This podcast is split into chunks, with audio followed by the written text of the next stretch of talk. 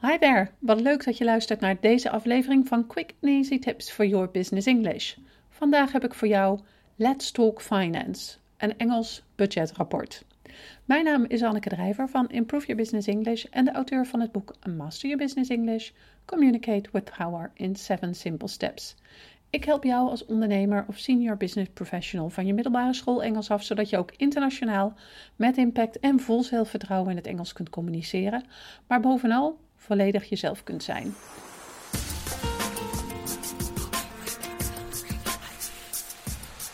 In de podcast van een aantal weken geleden heb ik je alle ins en outs gegeven over Engelse budgetmeetings. Je hoeft namelijk echt geen accountant te zijn om budgetten te moeten bespreken. En daar komt bij kijken dat praten over geld en hoe je het zult gaan spenderen, of juist niet, nog niet zo makkelijk is. En dan ook nog in het Engels. In die podcast heb ik je ook al het een en ander verteld over budgetrapporten. Bedrijven moeten namelijk vaak meer dan één budget of meerdere budgetrapporten maken, waarin bijvoorbeeld het hoofdbudget, een functioneel budget en een productiebudget worden vastgesteld. Een hoofdbudget vermeldt de verwachte jaarlijkse inkomsten en uitgaven om de financiën onder controle te houden en om de winstdoelen te behalen. En hiermee worden de vaste kosten zoals huur en verzekering bepaald. Een functioneel budget volgt de financiële prestaties van één afdeling of budget. Een productiebudget identificeert de kosten van het produceren van een product of dienst, zoals de materialen die nodig zijn om het bedrijf lopende te houden. Maar hoe stel je nu zo'n rapport op? Welke Engelse vocabulaire heb je hiervoor nodig? En wat zijn andere handige hulpzinnen die je kunt gebruiken met de zakelijke financiën in het Engels? Dat ga ik je in deze podcast vertellen.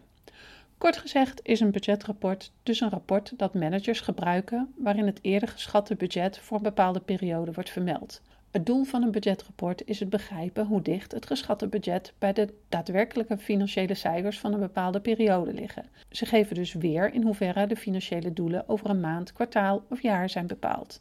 Hieronder volgen een aantal belangrijke kenmerken waar je rekening mee moet houden wanneer je een Engels budgetrapport opstelt.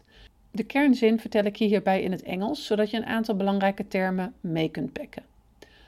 A budget report displays predictions rather than results. Dit betekent dat een budgetrapport voorspellingen weergeeft in plaats van resultaten. Het wordt namelijk voor een bepaalde periode vastgesteld om de financiële gebeurtenissen te voorspellen. A budget report presents several budgets.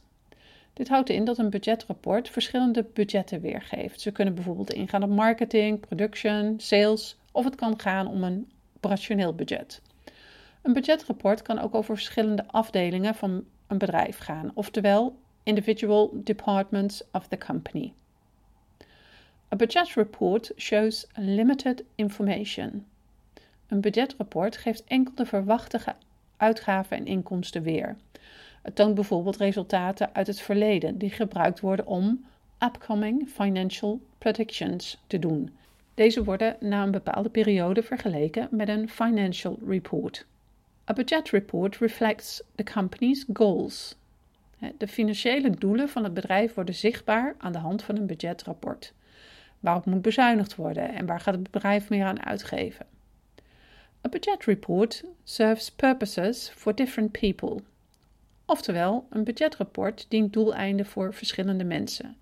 Denk hierbij aan accountants, managers en executive members die het budgetrapport als een guideline gebruiken om de financiering van een bedrijf te beheren en om op een verantwoordelijke wijze om te gaan met het budget binnen hun specifieke afdeling. Er zijn verschillende templates die het opstellen van een Engels budgetrapport vereenvoudigen Hieronder deel ik er een met je, maar eerst behandel ik een aantal belangrijke Engelse termen die te maken hebben met het rapport. Income, inkomen. To measure an income, een inkomen meten. Financial income cost, uiteindelijke inkomenskosten. Projected income numbers, verwachte inkomenscijfers. Profit, winst. Loss, verlies. Expenses, uitgaven. The aim to spend, het doel te besteden.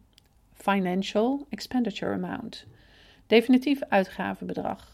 Projected expense numbers, verwachte onkostencijfers. Actual expense numbers, werkelijke onkostencijfers.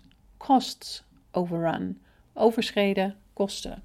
Hierna volgen een aantal handige feiten en hulpzinnen die je kunt gebruiken om in het Engels over een budgetrapport te praten. Alle hulpzinnen bevatten key terms die je ook kunt gebruiken om zelf zinnen van te maken.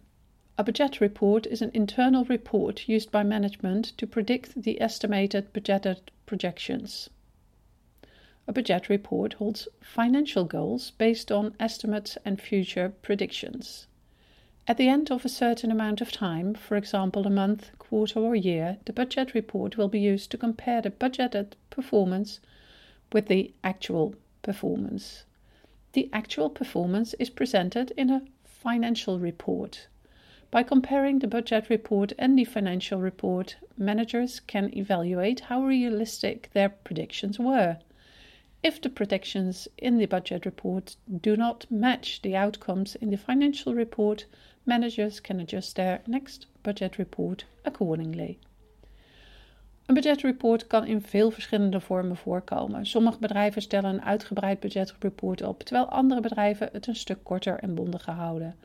Bij het podcastbericht op de website deel ik een template met je, waardoor je met gemak een Engels budgetreport kunt opstellen. Heb je vragen over het opstellen van een Engels budgetreport, een Engelse budgetmeeting of ben je benieuwd naar andere tips op financieel vlak?